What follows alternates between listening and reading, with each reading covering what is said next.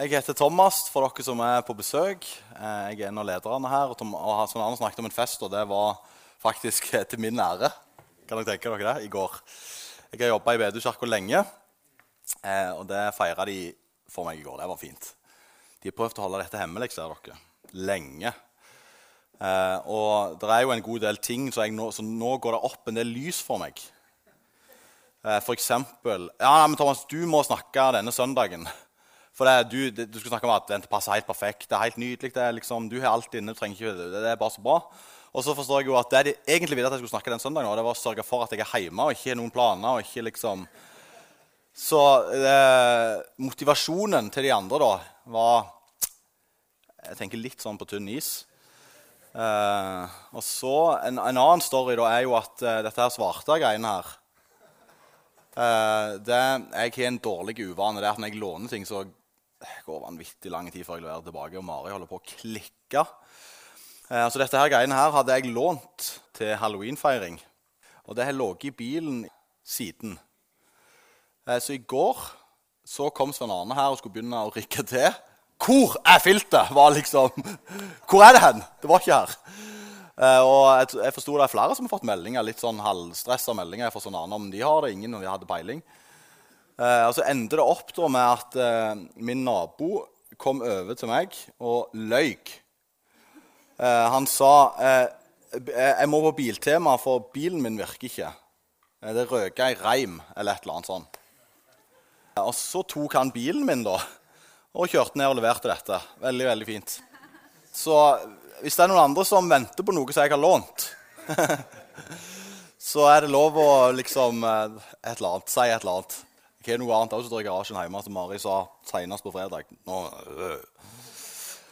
Jeg skal snakke om advent, da. Og jeg tror det blir litt annerledes enn det vi kanskje forventer oss. Men jeg har vanvittig mye på hjertet om advent. Kan dere tenke dere det? Eh, Men jeg gleder meg. Om ei uke er det første søndag i advent. Det vet vi. Advent det betyr ankomst. Ankomst er jo et begrep eller ord som Vi bruker det ikke veldig ofte, da. Men det er et begrep som fins på alle flyplasser over hele verden. Og Her refereres til den plassen der vi venter. Ankomsthallen. Og alle vi som er her, har vært der i ankomsthallen og venta på at noen skal komme. Eh, Som regel så venter vi jo på noen vi har lyst til å se. Og er det lenge siden vi har sett dem, så fylles ankomsthallen med glede når disse kommer. Jeg tror advent kan bli for oss en sånn plass som ankomsthallen, der vi har forventning. Vi venter og gleder oss over noe utenom normalen som skal skje. Og advent er en tid, det er på mange måter en gave til oss, der vi kan forberede livet vårt. For vi vet med 100% sikkerhet at Jesusbarnet kommer til å bli født. Og det er det vi venter på i adventstida. Det blir ingen forsinkelser, garantert. Så det er en gave til våre liv, sånn at vi kan være til stede i livet vårt når julefeiringa kommer. Derfor har vi advent. Det er en, det er helt fantastisk, egentlig. Sånn at Hver søndag nå i advent så vil vi publisere på bedehuskirke.no en kort sånn liten sak med en samtaleguide som dere kan bruke i huskirken deres eller rundt middagsbordet. Og Hensikten er å bare for hjelpe oss lite grann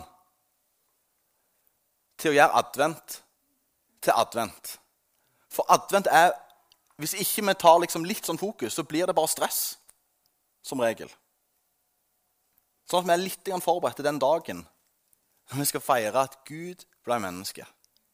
Og det er jo, altså det, det er jo tidenes feiring. Så hvis vi kan få litt hjelp sånn vi er forberedt til det, så tror jeg det er bra for oss. Gud ble helt og fullt menneske. Så det, det som er jobben min i dag, det er å prøve å inspirere oss litt inn i dette. Hvordan kan vi bruke den tida som kommer nå? Sånn at jul blir jul, og ikke stress. For det kan det lett bli. Skal vi be sammen? Gud, tusen takk for at du er kommet. En, en gang for lenge siden så kom du inn i vår verden, og du er også kommet inn i våre liv. Og vi er så lett for å holde deg på avstand. Gud, kan du hjelpe oss sånn at vi kan slippe deg inn? Helt inn. i livet vårt. Jeg synes nå, nå ber jeg om at du skal åpne hjertene våre og komme inn. Eh, og hjelpe oss å lære hvordan vi kan være i denne ankomsthallen helt fram til du kommer. Amen. De fleste av oss har venta og gleda oss til å se noen som vi er glad i. Det kan være besøk for noen som du ikke har sett på lang tid. Det kan være at du er på vei hjem til familie etter en skoleferie. Og den forberedelsen vi faktisk gjør når vi gleder oss mot noe som kommer, den gjør at gleden faktisk blir enda større. Så den der lengselen eller den der greia som skjer på forhånd inni oss, der vi begynner å jeg gleder meg til å treffe han eller hun, den påvirker. La advent bli sånn for oss dette året, da. Advent skjer jo på samme tid hvert eneste år. Jul kommer aldri som en overraskelse. Hele høsten leder egentlig fram mot jul. Og Normalen er jo at Europris her nede setter opp denne store eh, snømannen tidlig i november. Det har de av en eller annen grunn ikke gjort i år, så jeg er blitt sånn Kommer jul egentlig i år? Men den kommer jo alltid opp, men den er ikke kommet ennå. jeg vet ikke. Kanskje den kommer i uka. Butikkene begynner å pynte til jul. og William, når vi var på M44 i går, så var han sånn juletre. liksom. Han var helt sånn Hæ, hva er juletre overalt her? Det går, det går ikke an for oss å gå glipp av at dette skjer. Det kommer. Og hele denne greia her leder fram mot noe. Feiringa. Den dagen der framme. For oss som, iallfall for meg, da, så syns jeg det er, det er, krevende å huske på i alt dette her vi holder på med, hvorfor vi egentlig har advent. Det blir så fort gavejag og stress og praktiske forberedelser, som er viktig. Men det blir fort kun det. Og I adventstida så forbereder vi oss til julefeiringa. Vi bruker tid på handling, Julegaver, kakebaking, vasking, pynting, dekorering. Og det blir lett stress i plassen for ei tid med forventning og lengsel. Men det trenger ikke være sånn. Du kan ta tak. Så jeg, jeg ønsker for oss alle Det høres ut at advent først og fremst ikke skal være ei tid med stress, men det skal være ei tid med lengsel. Det handler om noe her inne.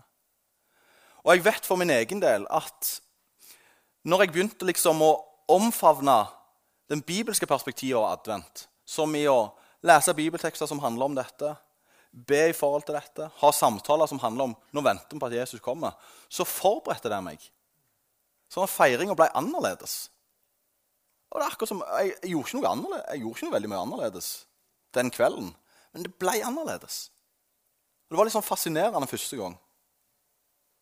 Det er så lett for oss å gjøre årsaken til at vi feiler jul, nesten usynlige. Mens forberedelsene vi gjør, vil påvirke oss. Så hvis vi kun bruker tid på alle praktiske ting, og det blir bare stress, så påvirker det feiringa. Hvis vi samtidig forbereder sjela vår, forbereder hva vi tenker, forbereder hva vi ber om, og hva vi slipper inn, en lengsel, så vil det påvirke. For forberedelser påvirker. Når vårt sinn og våre følelser er blitt gjort klar til jul, så blir julefeiring den den er meint å være.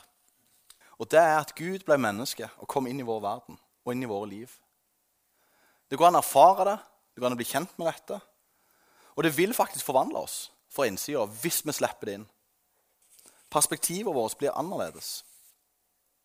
Så denne adventstida her og alle andre adventstider kan hjelpe oss, så vi ikke glemmer hvem vi venter på.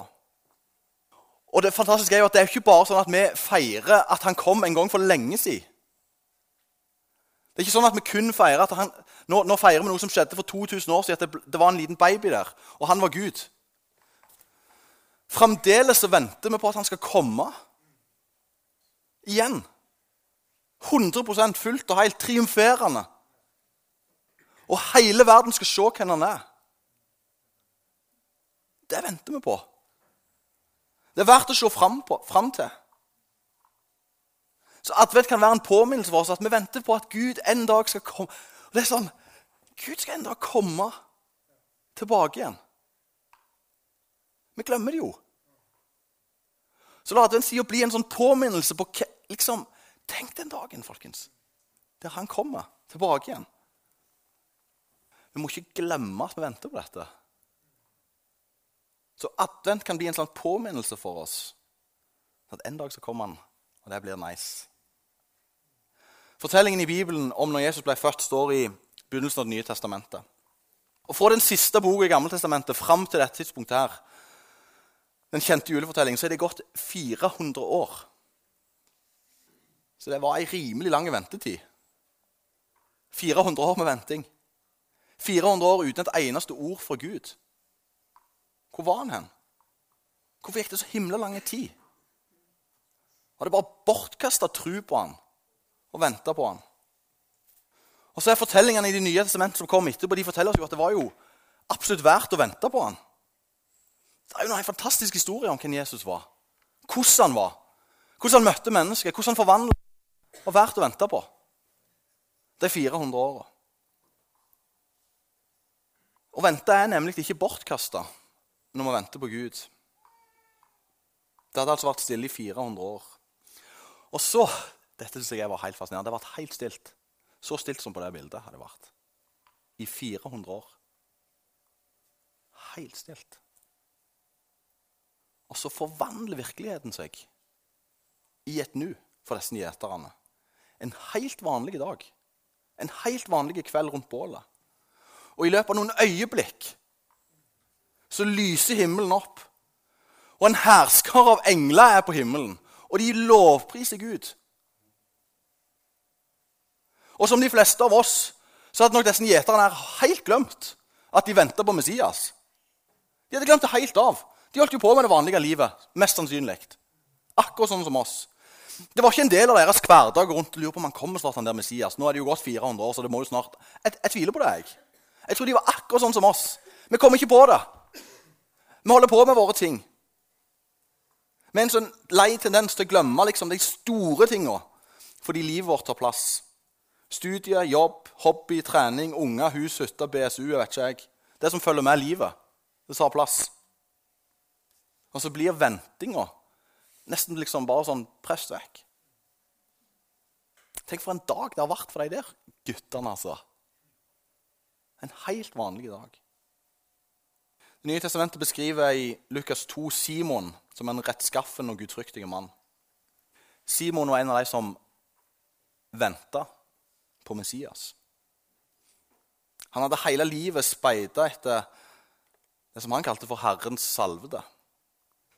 Og så denne dagen her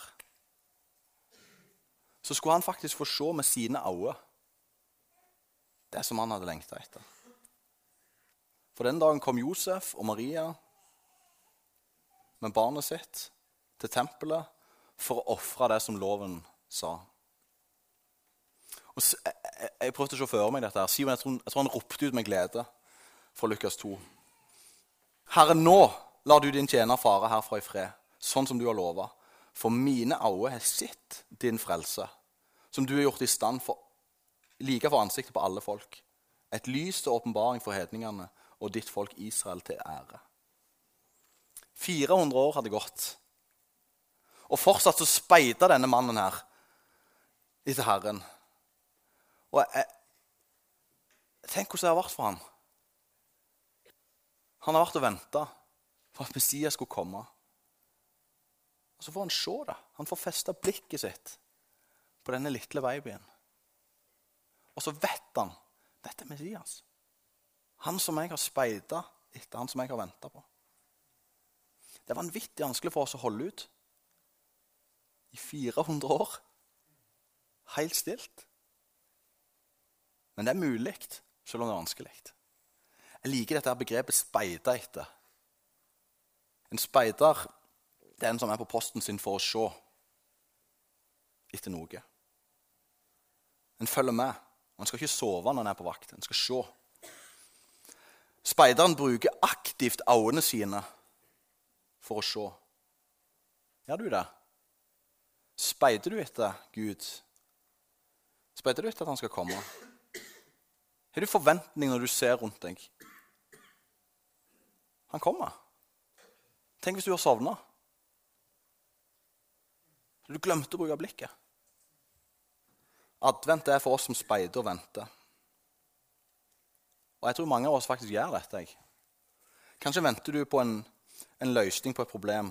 Kanskje venter du på en avtale skal komme i boks. Kanskje venter du på noe på jobb. Kanskje venter du på å få en diagnose fordi du vet ikke hva som er galt. Kanskje venter du på en relasjon som du skulle ønske var annerledes. Kanskje venter du på et slags gjennombrudd i en eller annen greie som du er borti. Noen av oss venter på bedre tider.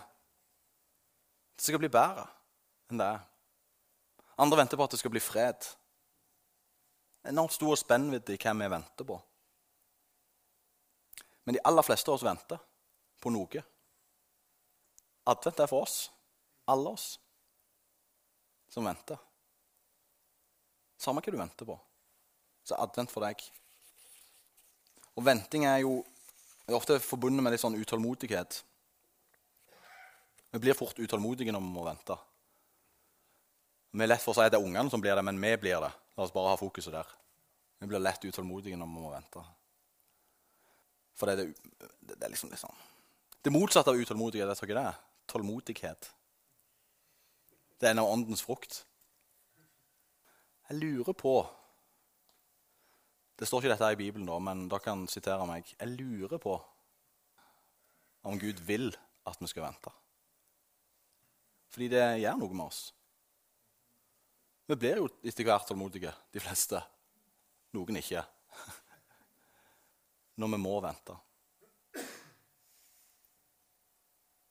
Å vente det er ikke å sette på pause. Vi tror lett det. At når vi venter, da setter vi på pause først. Det er ikke å sette på pause. Å vente det er å speide etter han som kommer. Kikke etter han. Lete. Og se om han er å finne noen plass. Og de gode nyhetene er at han er alltid å finne. Han som vi venter på. I klagesangen klagesangen er jo en hel haug med sånn misfornøyde utsagn. Det er godt å være stille og vente på hjelp fra Herren. Klagesangen 326. Det er godt å være stille og vente på Herren. Hjelp fra Herren. Hva er egentlig poenget med denne ventinga? Det virker så vanvittig bortkasta. Og så virker det jo som at Gud vil vi skal vente, og så føler vi det er bortkasta. Det, det skjer jo ingenting når vi venter. Eller gjør det egentlig det? I selve dette konseptet å vente så ligger det underforstått at det er noe som skal skje. Det er ikke sånn at vi venter på ingenting. Hvis vi venter på noe, så venter vi jo på noe. Det er noe som skal skje. Jeg tror ikke noen av oss ville kommet på nå skal jeg bare vente bare for ventingens skyld. Sånn helt for, Altså Vi venter jo fordi vi vil noe, eller vi vil at noe skal skje, eller vi har hørt at, eller noen har lovt, eller et eller annet. Det er et eller annet der framme som skal skje. Det forventer vi. Vi venter på å få besøk. Eller helst oftest mannen skal komme og få gjort et eller annet. Vi venter på mor eller far. Det er et tydelig mål, da. Det blir helt nytteløst med venting uten at det er målet. Og også I livet med Gud så er det sånn at vi venter på at noe skal skje. Og som oftest er det at vi vil Gud skal gjøre noe, eller at han skal komme. Og Det er jo et paradoks at vi venter på at Gud skal komme, når hele evangeliet tydelig sier at Guds rike er nær og har kommet. Det er faktisk så nær det går an å komme, forteller Bibelen oss. Så her venter vi på at noe skal komme som er så nær det går an at det kan være. Og For meg blir det en slags sånn Det må jo skje noe da, når vi venter. Hvis Guds rike allerede er så nær. Så når vi i denne adventstida venter på at Jesusbarnet skal bli født, så er det ikke ei tid for å sette livet på pause. Det er ei tid for å åpne blikket, sånn at vi kan speide etter Han som kommer. Det skjer noe når vi venter. Når du sier at du ikke kan se han, så ser han din sak. Bare vent på han. I Jobbs bok. Vi kan alltid se på en situasjon fra to perspektiv. Fra vårt perspektiv kan det se ut som at Gud ikke ser vår sak. Men fra Herrens perspektiv så har han aldri sett din sak tydeligere enn når du venter på han. Fra vårt perspektiv kan det se ut som om Gud ikke ser vår sak. Men hør på dette her, da. Men fra hans perspektiv Han aldri sett din sak tydeligere enn når du venter på han. Til og med når vi venter, så er han fullt og helt nær oss. Men hva er det som skjer når vi venter, da? Det er ikke så enkelt å svare på det når jeg ser på det fra min synsvinkel. Og det er jo som regel der vi er, eller iallfall jeg, opptatt av meg sjøl. Men jeg tror vi, vi, kan få ganske mye hjelp hvis vi evner å se på ventingen fra Guds perspektiv. Så midt i klagesangen så uttaler plutselig Jeremia det er godt å være stille og vente på hjelp fra Herren. Så midt i liksom alt klaginga så bekjenner Jeremia det er godt. Midt i klaginga. Midt i at han var misfornøyd. Det kan umulig ha kommet fra han som en slags nå vurderer jeg ting ut fra min situasjon og mitt ståsted. Han må sitte fra en eller annen synsvinkel. Så jeg har lyst til å utfordre oss vanvittig. vittig. Alle vi som er her, venter på ting. Prøv å se på det fra Guds synsvinkel, ikke fra ditt. Da er det godt å vente. Det er godt for deg å vente. Du venter aldri forgjeves. Nikki Gumbel har sagt noe helt genialt, syns jeg. Hvem du blir når du venter, er like viktig som det du venter på. Hvem du blir når du venter, er like viktig som det du venter på. Det er ikke lett å være stille. Det er ikke lett å bare vente. Som ofte er det kun stilt når vi sover. Og de færreste av oss har erfaring med å være stille kun for stillhetens skyld. Livet vårt preges av enormt mye lyd. Faktiske lyd, og at det hele veien er ting som roper om å få oppmerksomheten vår. Det skjer alltid noe rundt oss.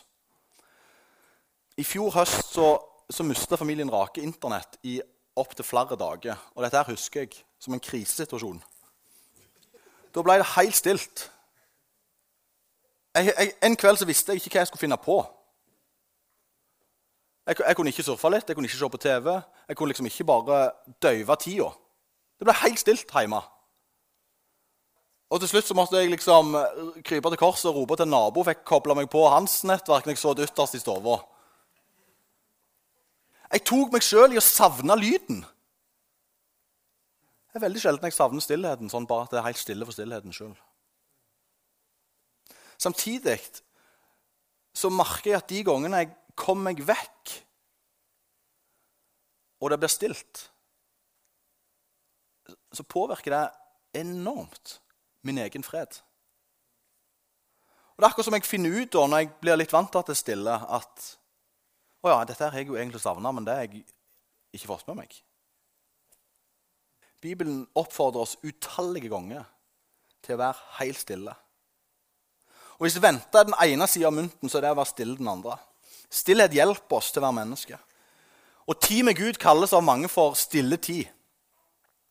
Og Hvis vi leser kirkehistorien, så er den lært oss at mange av disse her betydningsfulle folka, sentrale skikkelsene i kirkehistorien, de var ofte stille og mye stille og lenge stille. Heldigvis hadde de ikke sosiale medier.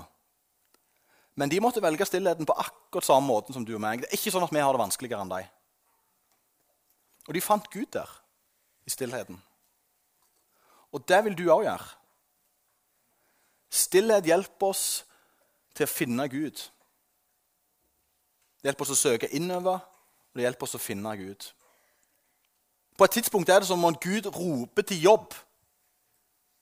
Så sier han, 'Vær stille, så jeg kan få tale.' Vær stille, så jeg kan få tale. Hvor mange er det som hører Gud liksom hele veien her inne? Ingen med frimodighet. Jeg tror dette er clouet. Vi er jo ikke stille. Så hvordan skal vi kunne høre han? Jeg tror, det, jeg tror våre liv og vår tid trenger dette budskapet fra Gud. Folkens, vær stille så dere kan høre meg! Gud trenger seg ikke på oss. Om det alle blir stille, så er det vanskelig for oss å høre han. Det er kamp om stillheten. Og fienden gjør alt han kan for å lage lyd og bråk. For han òg vet, bedre enn oss virker det som, hva Bibelen lærer om stillheten. Han vet at når det blir stilt, så kan Gud tale. Så hvis han klarer å hindre oss for å være i den stillheten, så vinner han. Fienden fryder seg over at det alltid er ting som vil ha oppmerksomheten vår. Også de gode tinga. Så advent hele livet er tema for i dag. Vi går inn i en tid nå som kalles for advent. Og Den faktiske adventstida ønsker jeg, eller håper jeg at skal lære oss noe om hva som skjer hele tida hele livet. Hvem her inne er det som ikke venter på at Gud skal komme i noen områder i livet sitt? Som ikke venter på legedom eller frihet, oppmuntring, glede, forsoning? Er det noen her som ikke venter på at Gud skal berøre disse tingene? Du har ingenting i livet ditt du vil Gud skal berøre. Jeg har en slags sånn, jeg, jeg tror alle venter på at Gud skal berøre noen ting i livet vårt. Så Tirsdag denne uka så så hadde familien Rake beste og verste av middagsbordet. Eh, og William bestemte at jeg skulle få begynne. Og mitt verste på tirsdag det var at jeg hadde brukt dagen til å forberede denne talen. Det var det verste. og, første dagen når jeg forbereder tale, er ofte vanvittig krevende. Jeg føler ikke jeg får gjort en puck. Eh, jeg går inn i en slags sånn sjølmedlidenhet, og det er så forferdelig. altså, dere skulle bare, ja, Det er veldig destruktivt første dag eh, når jeg setter av tid til å forberede en tale. Det var mitt verste den dagen. Så tenkte jeg ok, nå, nå har jeg jo muligheten til å si til ungene litt hva jeg skal snakke om. Eh, og Det er ofte en veldig lur ting, for da må jeg jo tenke litt på at ungene skal forstå dette. Vi gjør det litt enklere. Det jeg sa, var at adventstida som er inni det, er egentlig at vi venter på at Jesus skal bli født. Jesusbarnet. Og så sa jeg at det at Jesusbarnet blir født, det er på mange måter Gud som prøver å fikse problemer til menneskene. Og det er jo en enormt viktig liten hendelse i den lange, store fortellingen. Og så sa jeg at de fleste av oss voksne òg har en del områder i livet vårt der vi håper og venter på at Gud skal komme og fikse noen ting. Så det jeg har lyst til å formidle denne søndagen, det er at det er godt å vente på at Gud skal komme. Det er godt å holde ut. Og så spurte jeg dem om de visste om noen ting i sine liv som de skulle ønske at Gud kom og fiksa. Det er altså alltid noen områder vi venter på at Jesus skal fødes inn i. Du har det. Noen områder som du vil skal forvandles. Det fins alltid noen byrder, noen synder, noen sår, noen mønster, sykdom. Vi vil at Jesus skal forvandle. Og Fristelsen er enormt store for å gi opp ventingen. Fristelsen er kjempestor for å legge lokk over foran å holde ut. Fristelsen er så stor for å ignorere foran å være tålmodige. Og Vi mennesker er ikke skrudd sammen sånn at vi intuitivt alltid gjør det Gud vil. Teologien kaller dette for arvesynd. Det er noe i oss som alltid er i opposisjon til det Gud vil for livet vårt. Det er noe i oss som ikke vil ha den legedommen. Det er noe i oss som heller vil bygge fasade enn å vise svakhet. Det er noe i oss som heller vil framstå vellykka enn å innrømme at vi feiler. Det er noe i oss som alltid vil skjule over og dekke over synd og skam og skyld foran å deale med det og åpne såret for å rense sånn at det kan gro og lekes. Hele livet vårt kan altså preges av at vi lengter etter at Jesus skal komme i akkurat denne situasjonen. Vi lengter og venter på at han skal komme og fikse akkurat dette området for oss. Og Det å vente det både avslører hvilke områder som vi trenger legedom i, eller hvor vi trenger at Jesus skal fikse. Og Den ventinga den tror jeg faktisk også vil lede til forhandling. For den som venter på Jesus, venter aldri forgjeves. Men hvis vi bare setter oss sjøl på pause, eller setter lokk på, eller dekker over eller velger å døyve smerten, så tror jeg faktisk vi kan miste muligheten til å erfare Gud og hans inngripen i livet vårt. Og til slutt vil det leve, føre til at vi lever i mindre helhet og uten gjenopprettelse. Hvis vi bare setter oss sjøl på pause eller, eller setter lokk på, så vil det døyve. Jeg tror det er mange av oss som ofte bare gjør kortsiktige valg som døyver. Liv i etterfølgelse av Jesus er et liv i gjenopprettelse. Og Vi kan selvsagt velge å ikke følge Jesus når han vil gjenopprette. Han vil alltid gjenopprette. Men vi kan velge å ikke følge.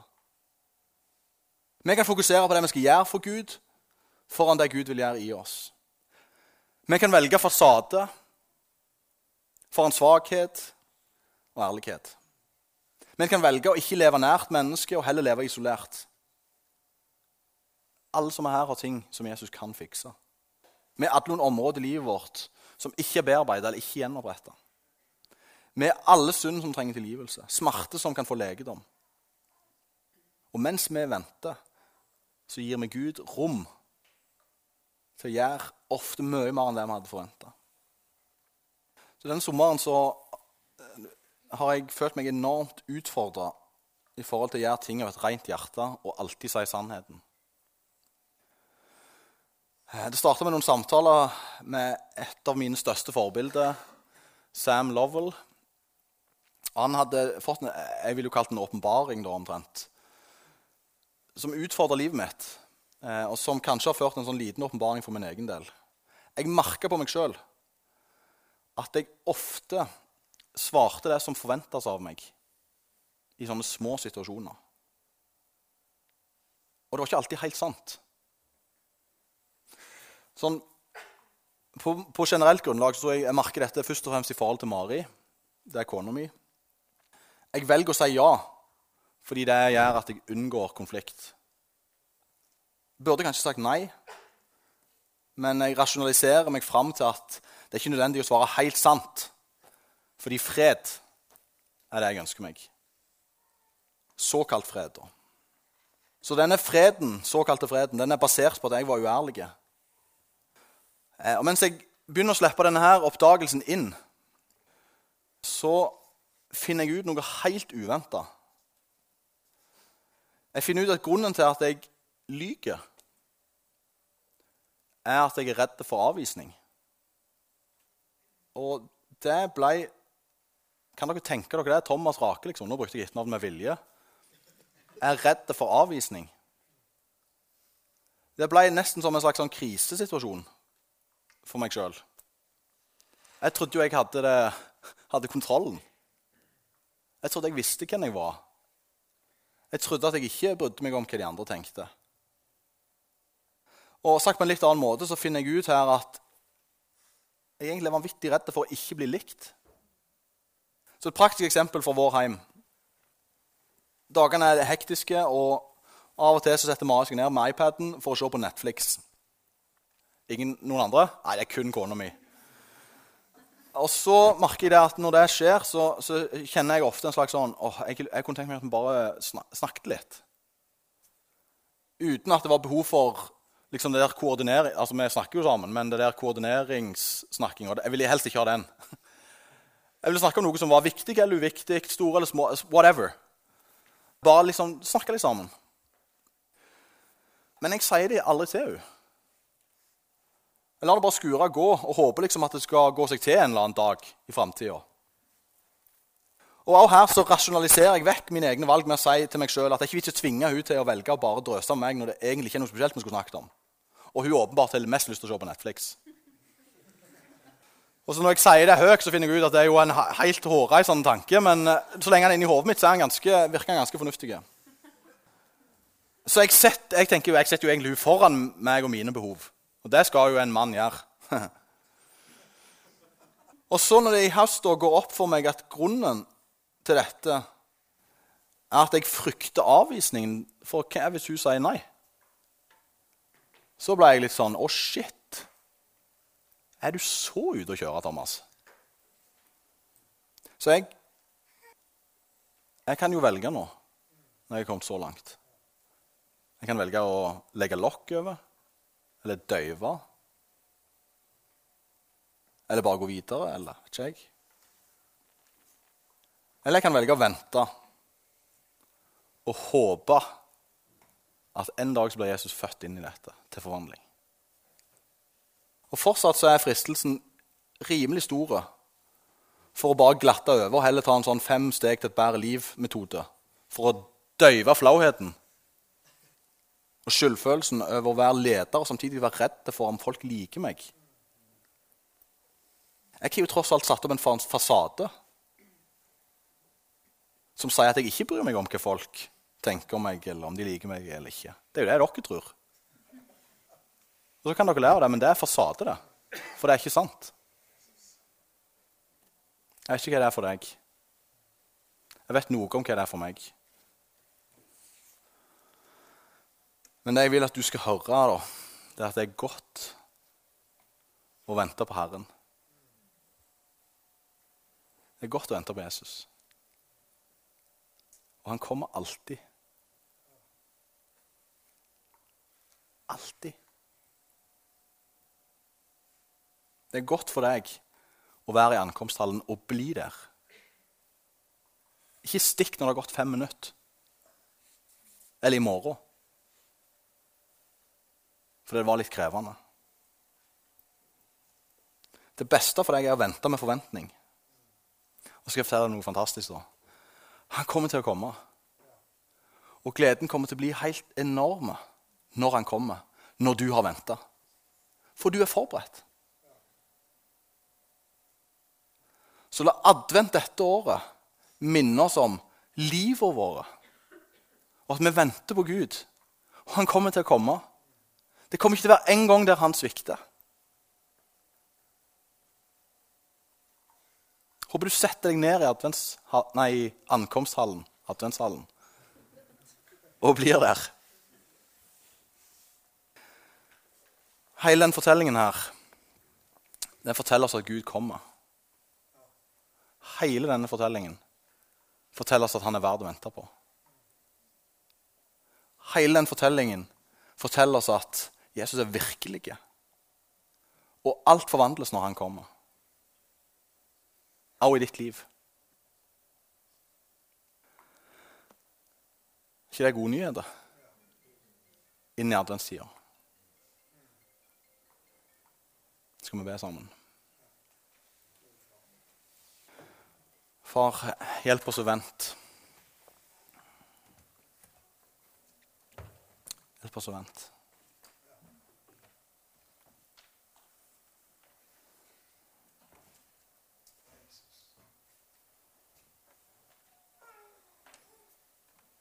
Hjelp oss å være stille.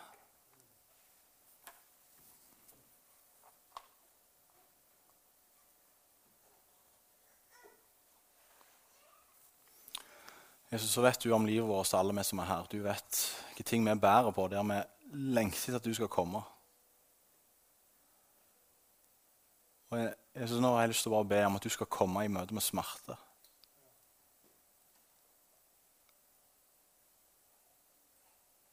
til forvandling, Herre. Kom, Jesus. Ikke drøy.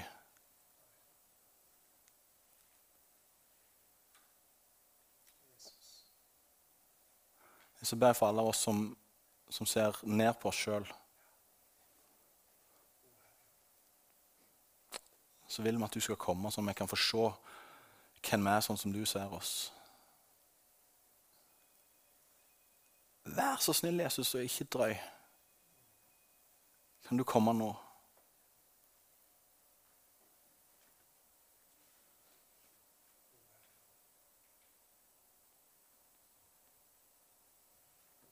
Jesus, så venter vi bare litt. Det fint hvis dere bare prøver å vente. Og være der litt.